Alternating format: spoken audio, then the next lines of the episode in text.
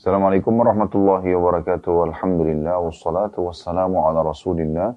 Segala puji dan puja kehadirat Allah Subhanahu wa taala juga salawat dan taslim kepada Nabi besar Muhammad sallallahu alaihi wa ala alihi wa sahbihi wasallam. Dan kita akan memulainya di bab ke-64.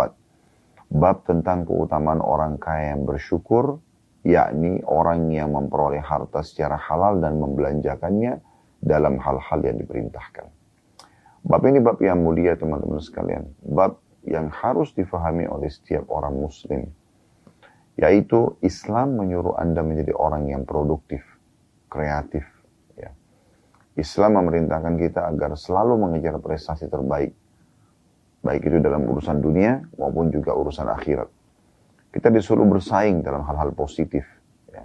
Tanpa ada diikuti dengan iri dan dengki, menjatuhkan orang lain, manipulasi data, Umumnya semua karena prestasi. Ya. Saya dan Anda bisa mengejar titel akademik tertinggi. Ya. Saya dan Anda punya hak untuk bersaing, untuk memiliki uh, harta terbanyak selama halal. Dan tentu bila diikuti dengan keimanan kita akan sibuk mengeluarkannya di jalan Allah sebagaimana akan kita jelaskan nanti dalam beberapa hadis dalam bab ini. Saya dan Anda juga dibolehkan untuk uh, menjaga fisik, penampilan, menjaga nama baik, ya. Memiliki yang terbaik dari apa pun yang Allah SWT berikan sebagai fasilitas di muka bumi ini seperti makanan, minuman, pakaian, transportasi, tempat tinggal, semuanya boleh. Ya, tidak ada larangan dalam Islam. Bahkan Islam tidak pernah membatasi harta itu hanya sebatas ini dan itu. Ya, beberapa orang sahabat Nabi Ridwanullah Ali meninggal dalam kondisi harta mereka sangat melimpah mereka tinggal untuk ahli waris mereka. Tentu ini bukan berarti menyalahkan orang-orang yang miskin, tidak. Ada orang mungkin memang Allah subhanahu wa ta'ala uji mereka dengan itu. Tetapi secara umum Allah subhanahu wa ta'ala menyuruh kita agar coba mengubah nasib kita. Kalau kita miskin hari ini, kita berharap selalu berdoa kepada Allah subhanahu wa ta'ala sambil kita ikhtiar agar ke depannya kita menjadi orang kaya. Kalau hari ini kita sebagai orang yang uh, mustahik, orang yang berhak untuk menerima zakat, kita usahakan dan berdoa sama Allah SWT untuk menjadi orang yang muzaki, mengeluarkan zakat. Kalau hari ini mungkin kita menggunakan uh, transportasi misalnya sepeda, kita berharap Allah SWT dan sambil berusaha, sambil berdoa kepada Allah agar satu waktu kita punya motor, lalu kemudian berkembang punya mobil, lalu berkembang menjadi orang yang memiliki fasilitas yang lebih baik dari rumah yang kontra, kontrakan misalnya, kos-kosan menjadi rumah Eh, yang dimiliki walaupun kecil mungkin nanti tergantung kebutuhan kita ingin lebih besar ya itu semua bisa ya. Karena saya dan anda punya waktu yang sama. Kami atau kita semuanya bersama punya waktu 24 jam. Punya fasilitas yang sama. Dua mata dua telinga dua tangan dua kaki. Semuanya sama gitu kan. Kalau seandainya orang-orang kaya itu memiliki waktu 25 jam lebih mungkin wajar anda ketinggalan. Tapi ini tidak. Semuanya sama. Tinggal Siapa yang ingin berusaha? Siapa yang ingin memohon dan manja kepada Tuhannya? Nah, ini akan akan ada efek, gitu kan? Sebagaimana Allah SWT sebutkan di dalam Al-Quran, A'udzubillahi minasyaitonirrajim. Walladzina jahadu fina lanahdiyannahum subulana. Lanahdiyannahum subulana. Orang-orang yang berusaha menempuh jalan-jalan kami, kami akan tunjukkan mereka ke jalan-jalan kami. Artinya Allah Subhanahu wa taala akan melihat bagaimana keinginan hamba tersebut, apa yang dia minta, apa yang dia harapkan, ya, apa yang dia usahakan Allah SWT akan berikan sesuai dengan hasil itu. Jadi kalau Anda mengatakan, ya sudah, saya cukup dengan kondisi seperti ini saja, memang saya dasarnya sudah miskin. Ya seakan-akan Anda tidak memohon kepada Allah Subhanahu wa taala. Ingat teman-teman sekalian, rukun Islam lima yang sudah kita kenal sama-sama syahadat, sholat lima waktu, zakat, puasa Ramadan, dan juga haji. Lima-limanya wajib. Tapi ada dua dari lima rukun ini yang wajib bagi yang mampu. Anda sudah tahu tentunya. Zakat dan juga haji. Jangan Anda mengurung diri Anda di kata-kata ya bagi yang mampu saja. Ya. Dan Anda lupakan zakatnya yang merupakan kewajiban ya, dan juga haji yang merupakan kewajiban. Harusnya kalau Anda hari ini tidak mampu untuk melakukan zakat karena Anda orang miskin misalnya, atau Anda belum mampu haji karena Anda tidak pernah biaya untuk pergi haji misalnya. maka Anda mohon kepada Allah Subhanahu wa taala agar Allah berikan kepada Anda harta tersebut ya agar Anda bisa mengeluarkan zakat sehingga Anda sebelum meninggal menyempurnakan rukun Islam Anda. Anda bisa haji sebelum Anda meninggal dunia. Dan itu bukan mustahil. Berapa banyak orang yang tadinya miskin, susah hidupnya, tapi karena mereka berdoa kepada Allah SWT, lalu mereka berusaha step by step, tahap demi tahap mereka akhirnya menjadi orang-orang yang punya kemampuan. Ada banyak di antara orang yang sudah menceritakan langsung kepada kami. Dan saya pun mengalami itu. Tidak ada di antara kita tiba-tiba semuanya dia bisa dapatkan merupakan milik dia. Walaupun dia lahir di keluarga orang kaya, tetap saja itu milik orang tuanya. Tapi kapan dia berusaha dan dia berdoa kepada Allah SWT, Allah akan berikan pemberian untuk dia. Teman-teman sekalian, eh, Imam Nawawi rahimahullah mengangkat dalil pertama berhubungan dengan bab ini, bab tentang keutamaan orang kaya, tapi ingat, ada tambahnya yang bersyukur. Kalau orang kaya kufur nikmat, tidak bersyukur, makanya tidak ada manfaat dari hartanya. Jadi yang bersyukur di sini. Ya, yaitu kata beliau yakni orang-orang yang memperoleh harta secara halal. Ya, itu syaratnya. Dan membelanjakannya dalam hal-hal yang diperintahkan. Jadi sumbernya halal dan juga dia mengeluarkan pada tempat yang diperintahkan. Dalil pertama adalah surah Al-Lail yang beliau angkat ayat 7 sampai ayat ayat 5 sampai ayat 7 maaf. Ayat 5 sampai ayat 7. Bunyi a'udzu billahi minasyaitonir rajim. Fa amma man a'ta wattaqa wa saddaqa bil husna fasanuyassiru lil yusra. Maka barang siapa yang memberikan hartanya di jalan Allah dan bertakwa serta membenarkan kalimat yang terbaik atau la ilaha illallah, maka akan kami mudahkan baginya jalan menuju kebahagiaan. Potongan ayat di sini dikatakan maka barang siapa memberikan hartanya di jalan Allah. Ya. Jadi ada perintah di sini siapa yang memberikan hartanya, siapa yang bersedekah. Bagaimana caranya bersedekah? Kalau orang itu tidak punya harta, ya. maka dia bisa bersedekah, dia bisa memberikan gitu kan. Jadi mohon kepada Allah SWT agar anda, kalau hari ini anda menerima, besok anda akan memberi Lalu dikatakan di sini barang siapa yang memberikan atau bersedekah harta yang Allah dan bertakwa. Maksudnya dia tahu ini adalah perintah Allah. Dia perhatikan sumber pendapatannya dan dia perhatikan juga tempat sasaran yang dia keluarkan. Semuanya tidak melanggar Allah subhanahu wa ta'ala. Tidak melanggar hukum Allah subhanahu wa ta'ala. Dan membenarkan kalimat yang terbaik maksudnya la ilaha illallah. Tidak bergantung kecuali kepada Allah. Tidak syirik. Karena ada juga orang yang kaya tapi mereka melalui kesyirikan pergi ke dukun ya jimat sesajian dan sesajen memberikan sajian ini semua tidak benar ini justru hartanya akan membawa pada musibah buat dia dia melakukan kesyirikan dia akan kufur kepada Allah subhanahu wa ta'ala ini tidak boleh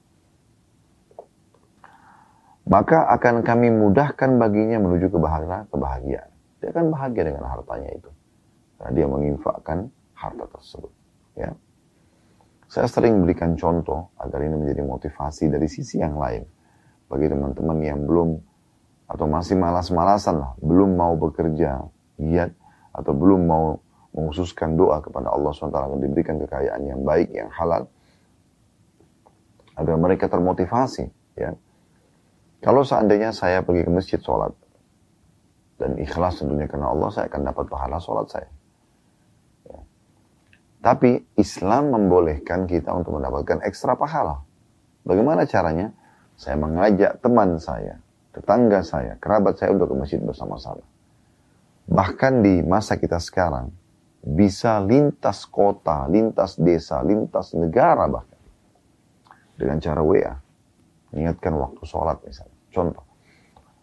Selain saya ajak secara langsung misalnya, atau saya melalui grup, melalui WA, apakah itu orang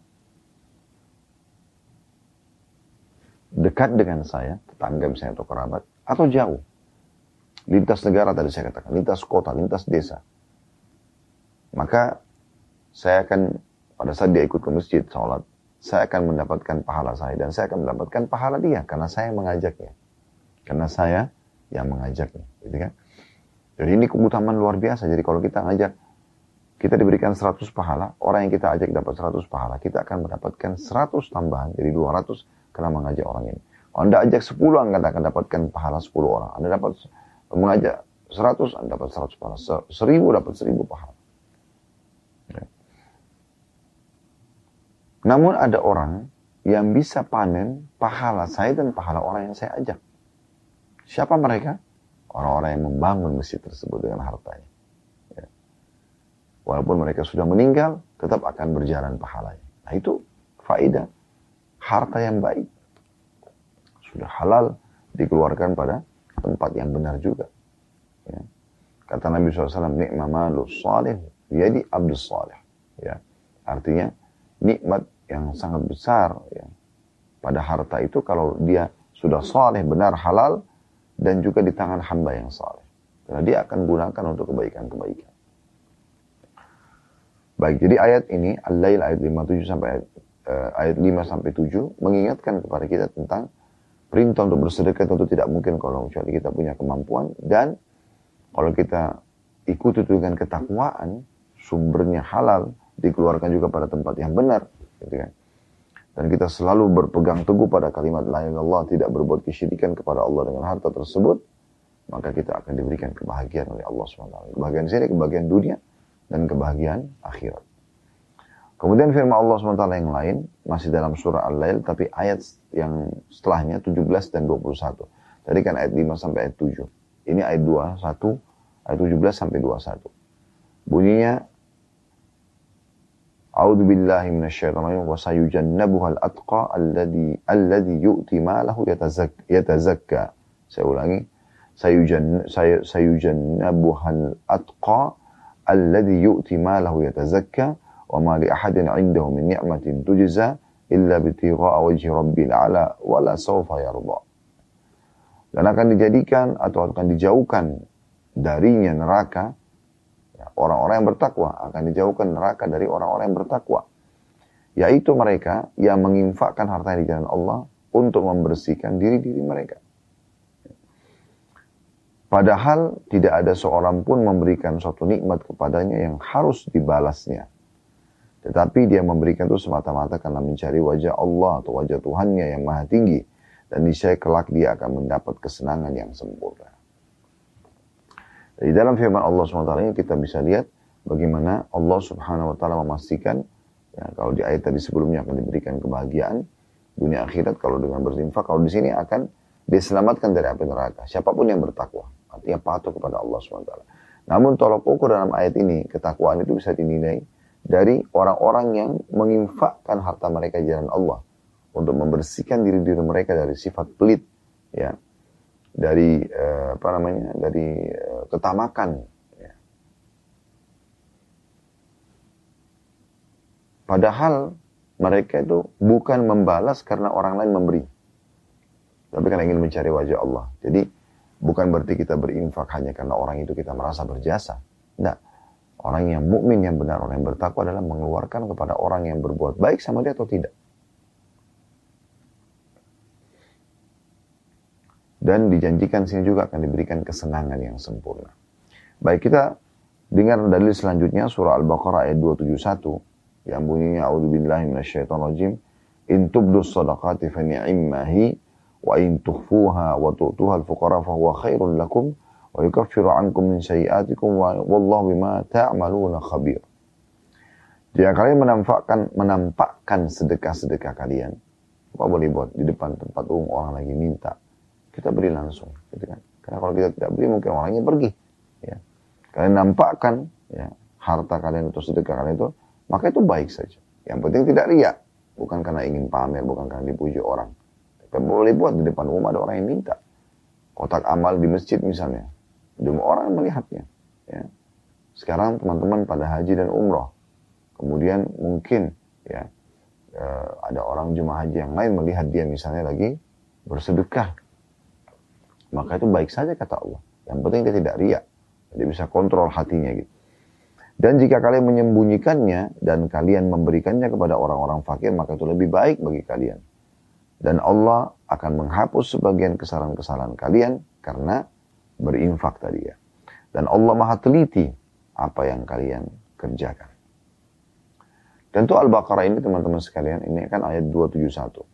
Sudah kami bacakan Ya, kalau yang mengikuti rutin kajian-kajian kami live, uh, mungkin sudah lebih dari dua atau tiga kali kami bacakan bagaimana Allah Subhanahu wa taala menggambarkan dan memerintahkan sedekah itu dari surah Al-Baqarah dari ayat 261 sampai 274. Ya. Ini di antaranya ayat 271-nya ya. Jadi sekali lagi Anda bisa kembali ke ayat 26, 261 eh, sampai 274. Itu semua bicara tentang masalah sedekah. Dan sudah pernah kami bacakan, saya tidak ulangi di saat ini. Namun Anda bisa kembali ke situ dan Anda bisa renungi, tadaburi ayat demi ayat. Bagaimana Allah subhanahu wa ta'ala memotivasi dan memerintahkan kita untuk bersedekah di situ. Dan juga selalu bersedekah dengan yang terbaik dan dilakukan karena Allah subhanahu wa ta'ala. Baik teman-teman sekalian, di sini dikatakan bahwasanya kalau kalian menginfakkan harta kalian sebagai terang-terangan itu karena Allah, maka akan membersihkan dosa-dosa. Dan dosa ini berarti sumbatan-sumbatan kebahagiaan dalam hidup. Ya. Sumbatan-sumbatan kebahagiaan dalam hidup kita. Jadi kalau kita berbuat maksiat kepada Allah SWT sehingga ada dosa bisa menghambat ya sebagian rezeki yang sudah Allah tentukan. Selanjutnya beliau mengangkat dalil surah Al-Imran ayat 92. Ya, yang bunyi a'udzubillahi minasyaitonir rajim lan tanalu birra hatta tunfiqu mimma tuhibbun wa ma tunfiqu min syai'in fa innallaha bihi alim. Artinya kalian tidak akan memperoleh kebajikan sebelum kalian menginfakkan sebagian dari harta yang kalian cintai. Dan apa pun yang kalian infakkan, maka tentang hal itu sesungguhnya Allah maha, maha, maha mengetahui. Ya. Dan di sini ada lagi tambahan informasi tentang masalah infak ya selain infakkan gitu. Ikhlaskan cari keridhaan Allah SWT maka akan diberikan kebahagiaan akan diberikan uh, apa namanya kesenangan akan diselamatkan dari api neraka ya. Kemudian akan ya uh, apa namanya dihapuskan dosa-dosa. Maka di sini ya terjemahannya surah Ali Imran ayat 92 kalian tidak akan memperoleh kebajikan sebelum kalian menginfakkan sebagian harta yang kalian cintai. Maksudnya kalian tidak akan merasakan kesempurnaan ya kebahagiaan keimanan, ke, keimanan dan juga kesempurnaan dalam balasan nanti di akhirat kecuali kalian sudah pernah atau coba menginfakkan yang kalian cintai. Jadi bukan makanan sisa saja. Makanan sisa boleh kita sedekahin. Gitu kan. Tapi kalau kita sedekahkan makanan yang masih bagus, jauh lebih besar pahalanya. Gitu kan. Dan yang kita cintai. Kalau Anda kembali ke Al-Baqarah tadi yang saya bilang 261 sampai 274, di antara ayatnya itu ada yang berbicara masalah itu. Ya, bagaimana ditekankan oleh Allah Subhanahu wa taala jangan pernah kalian berinfak yang kalau kalian sendiri diberikan jenis yang sama dari apa yang kalian infakkan itu kalian tidak mau menerimanya kecuali dengan memincingkan mata. Ya. Kenapa? Karena memang kualitasnya kurang bagus atau sudah rusak makanan itu ya atau sudah sobek pakaian itu. Kenapa nggak berinfak dengan sesuatu yang baik? Ingat, bukan target kita yang menerima, tapi target kita adalah mencapai ridha Allah Subhanahu wa taala. Dan sudah berulang kami juga berulang kali juga kami bacakan ya eh, beberapa pendapat-pendapat ulama tentang masalah infak ini yang luar biasa gitu ya. Yang luar biasa keutamaan-keutamaannya. Maka itu bisa menjadi tolok ukur orang ini baik atau tidak dari sifat dermawan dan suka berinfak di jalan Allah Subhanahu wa taala. Masih ingat hadis Nabi SAW yang pernah menanyakan kepada orang-orang Ansar, ya, siapa pemimpin kalian setelah kepala sukunya wafat. Mereka mengatakan Fulan bin Fulan. Lalu kata Nabi SAW, bagaimana dia? Kata mereka, dia berwibawa, dia tampan, hanya saja dia bakhil, pelit, tidak mau bersedekah. Maka kata Nabi SAW, penyakit jiwa apa yang lebih buruk daripada bakhil itu? Baik kita coba masuk kepada hadis Nabi SAW. Di sini ada tiga buku hadis teman-teman dalam bab ini. Kita langsung baca semuanya insya Allah. Ya, karena bab ini tidak panjang bahasannya. Hadis yang pertama, nomor 576 dari awal belajar berbunyi dari Abdullah bin Mas'ud radhiyallahu anhu dia berkata atau beliau berkata Rasulullah SAW bersabda la hasada illa fitnatain rajulun atahu Allahu malan fasallatu ala halakati fil haqq wa rajulun atahu Allahu hikmatan fahuwa yaqdi biha wa yu'allimuha hadis ini diriwayatkan oleh Bukhari dan Muslim tidak boleh hasad kecuali terhadap dua perkara. Yaitu seseorang yang diberi harta oleh Allah, kemudian dia menghabiskannya untuk berinfak dalam kebenaran. Dan seseorang yang diberi hikmah oleh Allah, lalu dia memutuskan dengannya dan mengajarkannya. Ya. Jadi ini dua orang yang boleh kita iri dengan mereka. Nanti akan kita jelaskan ya. Namun saya langsung bacakan hadis nomor 577 karena mirip lafadznya. Dari Ibnu Umar radhiyallahu anhu beliau berkata bahwasanya Nabi SAW bersabda la hasada illa fitnataini Rajulun atahu Allah Al-Quran fahuwa yakumu bihi ana al-laili wa ana an-nahar wa rajulun atahu malan fahuwa yunfiqu ana al-laili wa ana an-nahar. Hadis ini juga sama riwayat Bukhari Muslim. Artinya, tidak boleh orang iri atau hasad kecuali kepada dua perkara. Yang pertama orang yang diberi Al-Quran oleh Allah. Lalu dia sholat dengan membacanya di saat-saat malam dan di saat-saat siang. Dan seseorang yang diberi harta, kemudian dia menginfakkan di saat-saat malam dan di saat-saat siang. Baik teman-teman sekalian, dua buah hadis ini maknanya dalam sekali dan sangat luar biasa ya. E, bisa menjadi motivasi bagi setiap muslim agar punya pendapatan ya. Dan pendapatan ini sudah, kami bahasakan tadi batasannya adalah halal dari sumber yang kita uh, dapatkan itu adalah yang dibolehkan dalam agama dan juga dikeluarkan pada tempat yang diperintahkan. Kita bisa lihat di sini makna globalnya hadis adalah ada dua orang yang Allah berikan kelebihan kepada mereka yang boleh kita iri kepada mereka. Iri di sini tentu bukan iri yang buruk ya, bukan hasad yang disebutkan dalam hadis Nabi SAW. Hati-hati kalian dengan hasad karena dia bisa membakar eh, pahala kalian, amal soleh kalian dengan eh, seakan-akan api mengkarat atau seperti api membakar karat dari besi, ya. atau seperti api membakar kayu bakar, kurang lebih tepat begitu. Aku kama Nabi SAW.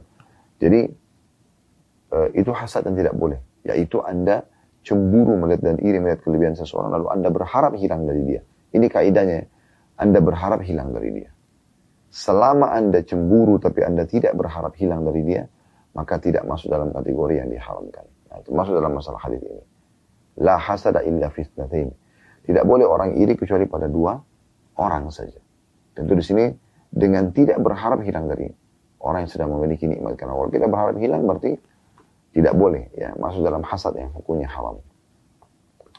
Kita langsung masuk kepada mutiara hadis yang pertama, yaitu golongan pertama yang disebutkan dari dua orang yang boleh kita iri ini. Yang pertama adalah rajulun atahullahu malan fasallatahu ala halakati fil haq. Ya. Seseorang yang Allah berikan kepada kepadanya harta yang melimpah, Kemudian dia sibuk menghabiskannya untuk berinfak dalam kebenaran. Ya, berarti sedekahnya. Kalau Anda lihat ada orang kaya, Anda merasa, coba saya bisa seperti dia ya, gitu. Ya. Jadi kita coba ikuti dengan ikuti dia dengan niat kita atau kita coba minta kepada Allah SWT agar diberikan hal yang sama atau bahkan lebih.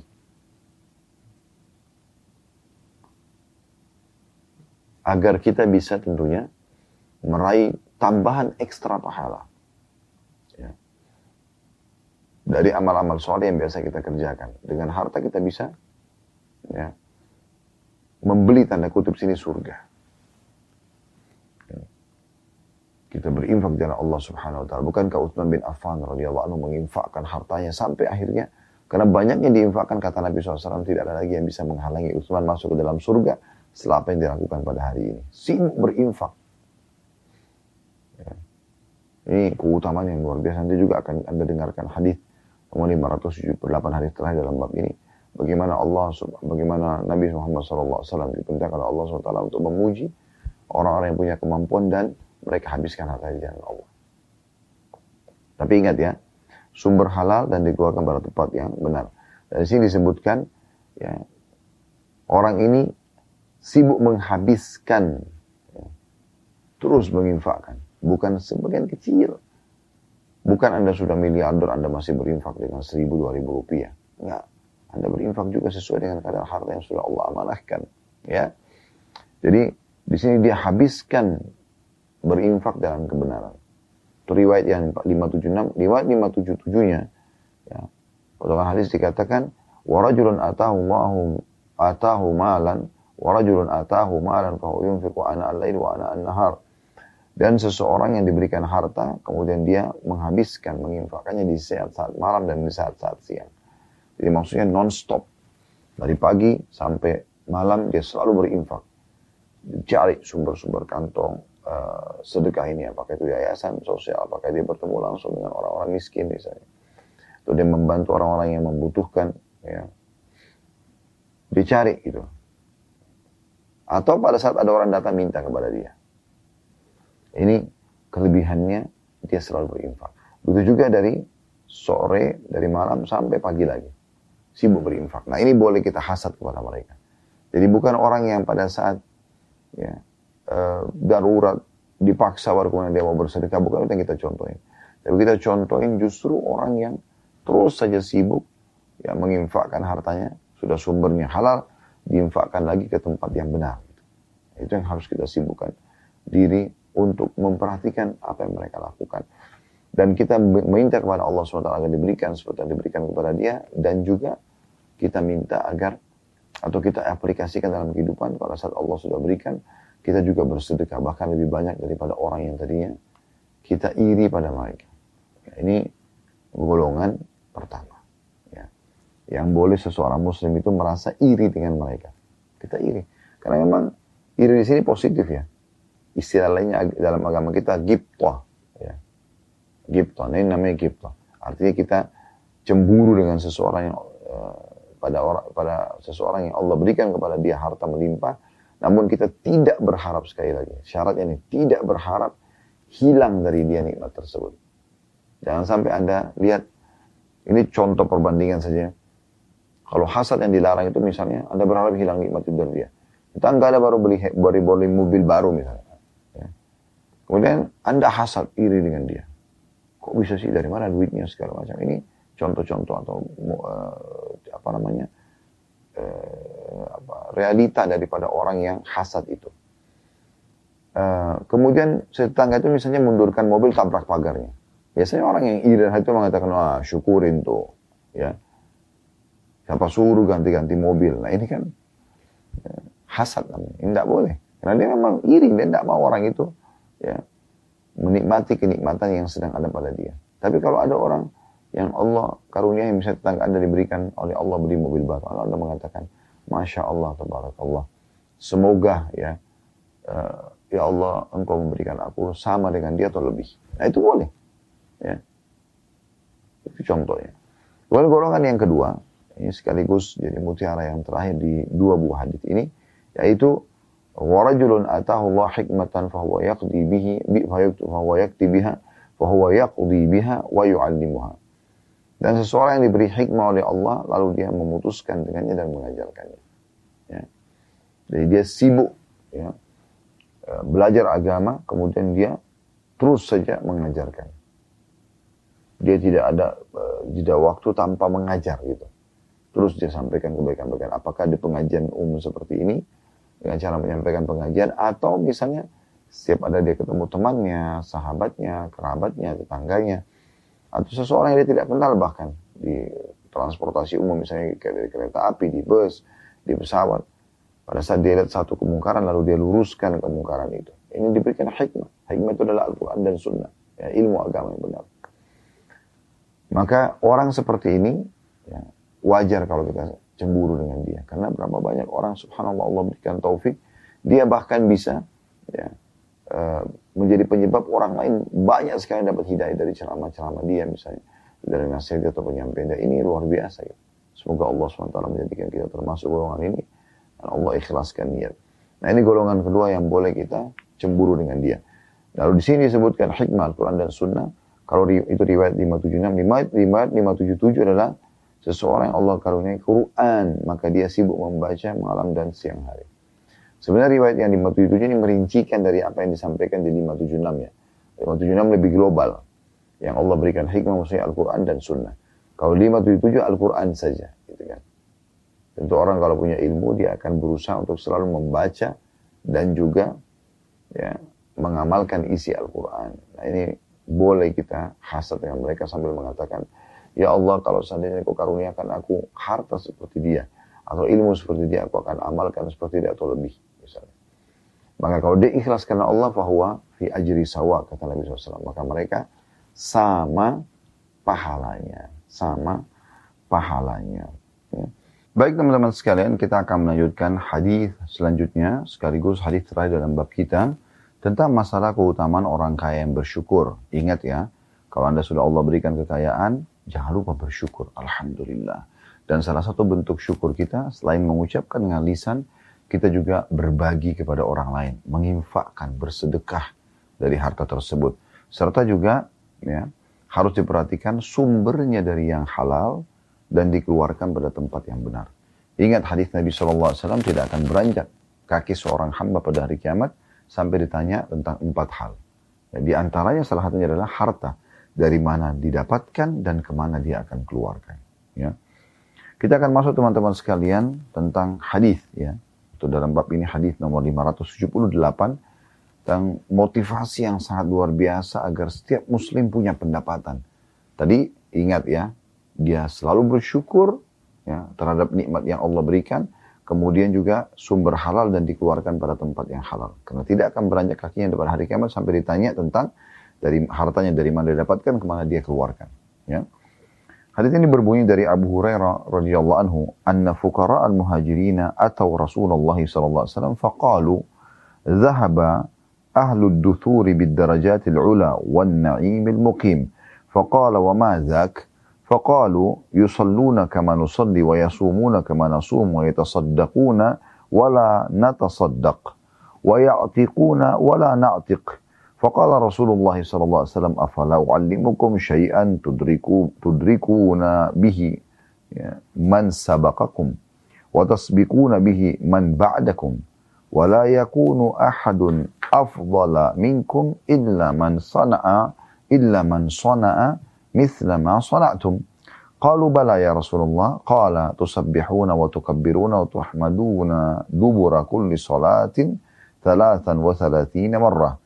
Faraja'a fuqara al-muhajirina ila Rasulillah sallallahu alaihi wasallam faqalu sami'a ikhwanuna ahlul amwali bima fa'alna fa'alu mithlahu faqala Rasulullah sallallahu alaihi wasallam dzalika fadlullah yu'tihi man yasha. Hadis ini hadis sahih diriwayatkan oleh Imam Muslim. Ya. Terjemahannya kata Abu Hurairah radhiyallahu anhu bahwa orang-orang fakir dari kalangan muhajirin mendatangi Rasulullah sallallahu alaihi wasallam dan berkata, orang-orang kaya yang memiliki harta yang banyak telah memperoleh kedudukan-kedudukan yang tinggi dan nikmat yang abadi. Maka kata Nabi SAW, mengapa bisa begitu? Mereka, orang-orang miskin mengatakan, karena orang-orang kaya itu sholat sebagaimana kami sholat. Mereka puasa sebagaimana kami puasa. Mereka bersedekah, tapi kami tidak bersedekah. Karena orang miskin tidak punya harta. Ya. Mereka memerdekakan budak, tetapi kami tidak.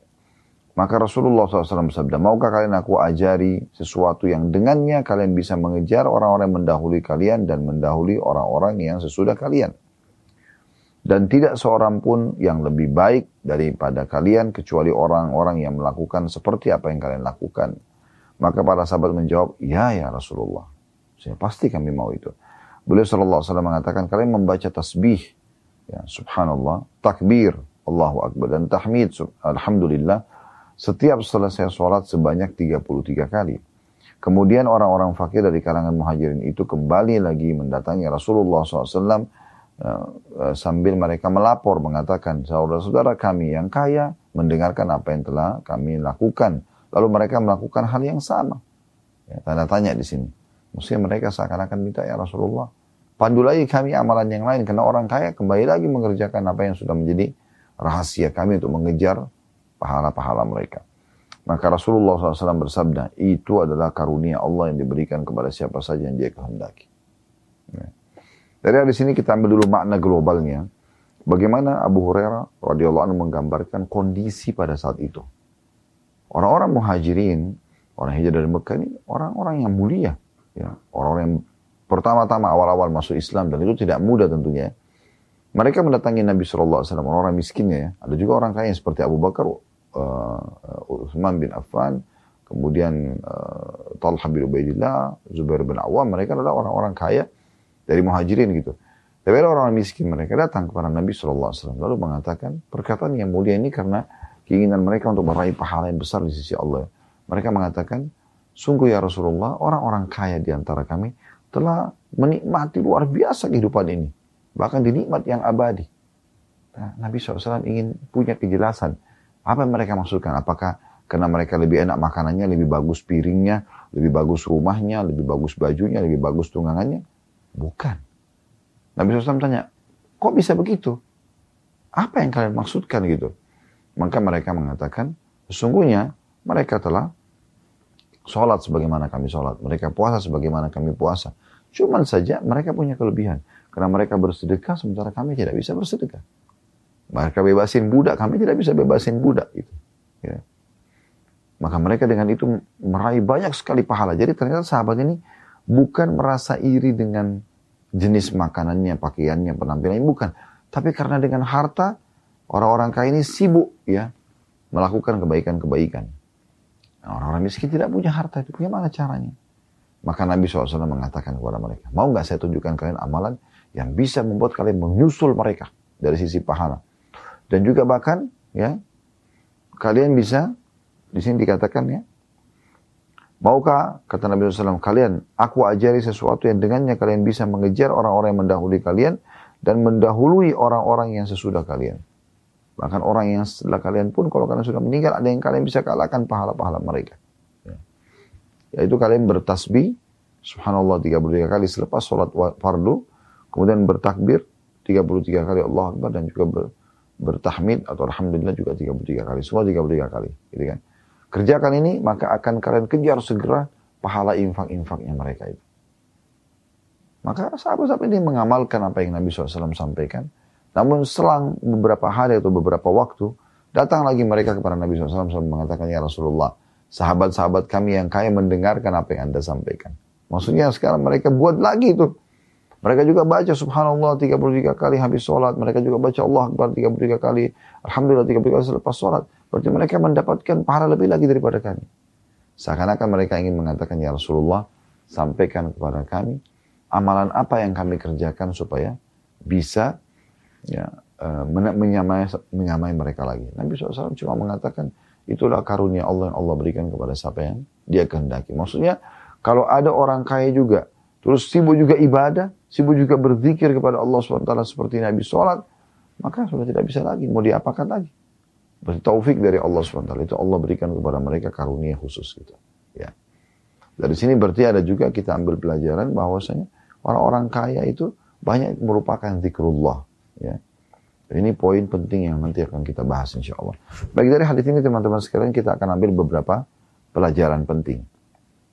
Yang pertama, kedudukan para sahabat Nabi Ridwanullah alaihim di mana mereka sangat cinta dengan pahala amal soleh, eh, sangat semangat untuk mengejar ridho Allah SWT, rahmat Allah dan juga mengejar surga yang dijanjikan nanti di akhirat sana.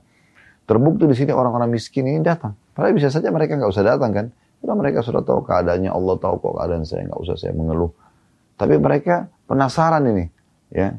Karena mereka lihat depan mata orang-orang kaya berinfak atau bahkan memberikan kepada mereka makanan, pakaian. Sebagaimana umumnya biasa orang kaya memberi kepada orang-orang miskin ya. Maka mereka ini orang-orang miskin sahabat, utamanya luar biasa. Bukan mereka hasad atau iri dengan tadi saya bilang model pakaiannya atau jenis pakaiannya, kerunggangannya kah, eh, rumahnya kah, bukan itunya. Ya.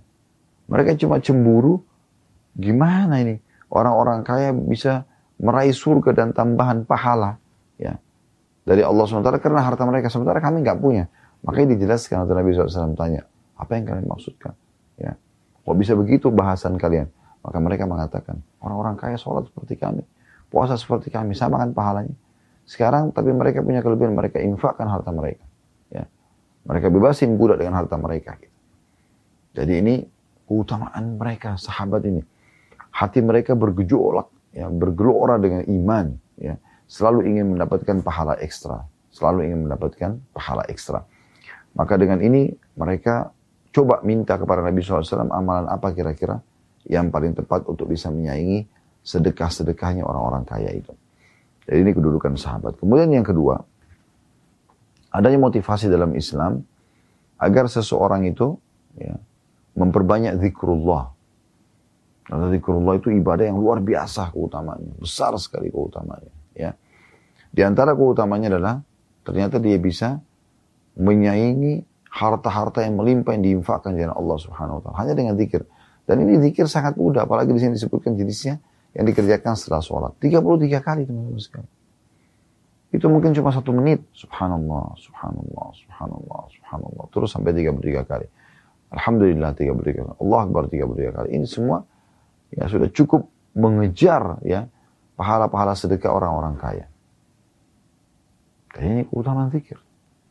Dan subhanallah satu-satunya teman-teman sekalian. Amal ibadah yang terus berjalan dan kita kerjakan di surga adalah zikrullah. Sholat sudah tidak ada lagi. Puasa nggak ada lagi. Jihad nggak ada lagi. Ya, berinfak nggak ada lagi. Di surga nggak ada lagi. Tapi zikrullah tetap mereka akan lakukan. Dan juga dalam sebuah hadis yang harusnya jadi bahan renungan buat saya terutama. Buat teman-teman secara umum ya. Uh, hadis Nabi SAW, makna hadisnya kurang lebih ya. Itu kalau orang mukmin akan merasa menyesal pun pada hari kiamat setelah masuk ke dalam surga. Kenapa ada waktu-waktu mereka di dunia mereka tidak pakai berzikir? Ya, saking tingginya kedudukan zikir. Sampai mereka pun masuk surga tapi mereka ada menyesal. Kenapa? Kenapa detik-detik ada detik-detik di dunia dulu yang mereka tidak pakai zikrullah. Ini amal yang luar biasa ini. Ya. Jadi habis sholat setelah salam jangan buru-buru. Zikrullah dulu. Kata Nabi SAW siapa yang selepas sholat. Ya. E, kemudian dia tidak bicara sama orang di sebelahnya. Tidak batalin uduknya. Juga tidak berdiri dari musolahnya. Ya, tidak. Berdiri dari musolahnya. Ya, tiga hal ini tidak bicara sama orang di sebelah ya tidak batalin wudhu dan tidak berdiri dari musolanya maka malaikat atas kepalanya akan mengatakan Allah mafillah warhamhu. Ya Allah ampuni dia Allah rahmati dia. Sampai dia melanggar salah satu dari tiga hal ini.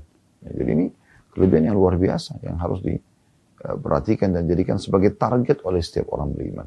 Ya. jadi uh, jangan sia-siakan apalagi cuma ringan.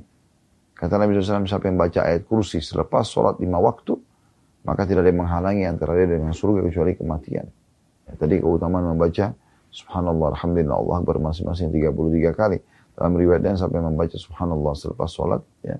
33 kali, Alhamdulillah, 33 kali, Allah Akbar, 30 atau 30, 33 atau 34 kali. Lalu digenapkan 100 dengan la ilaha wahdahu la syarikalah, lahul mulku wa lahul hamdu wa huwa ala kulli syai'in qadir, maka akan diampuni dosanya walaupun sebanyak buih di lautan. Ya. Ini keutamaan besar. Kenapa enggak zikrullah? Di pagi dan petang ada zikir yang Allah SWT perintahkan kita untuk membaca. Tidak asing lagi dengan Anda tinggal ketik di Google zikir pagi petang. Ceramah-ceramah ustadz banyak ya. Eh, tulisan-tulisan artikel dalam masalah ini banyak. Jadi kita jaga. Zikrullah. Dari bangun tidur ada zikir. Eh, masuk kamar mandi ada zikir. Ya. Mau makan ada zikir. Habis makan ada zikir. Pakai pakaian ada zikir. Buka pakaian ada zikir. Mau keluar rumah ada zikir ya. Masuk rumah juga ada zikir. Semua ada zikrullah. Ya. Jadi kita harus menjaga. Ini keutamaan yang kedua. Makanya solusi bagi orang-orang miskin pada saat itu karena mereka tidak mungkin jadi kaya seketika mereka zikir ini ya. Yang ketiga yang bisa diambil dari hadis ini adalah tentang masalah keutamaan orang-orang yang kaya dan menggabungkan. Tentu dari dari dia bersyukur kemudian dari sumber halal dan juga dia keluarkan pada tempat yang benar. Lalu dia juga menambahkan ekstra pahala mereka dengan ibadah-ibadah yang lain seperti zikir seperti doa ya karena ada juga orang yang sudah kaya tapi tidak mau lagi berzikir.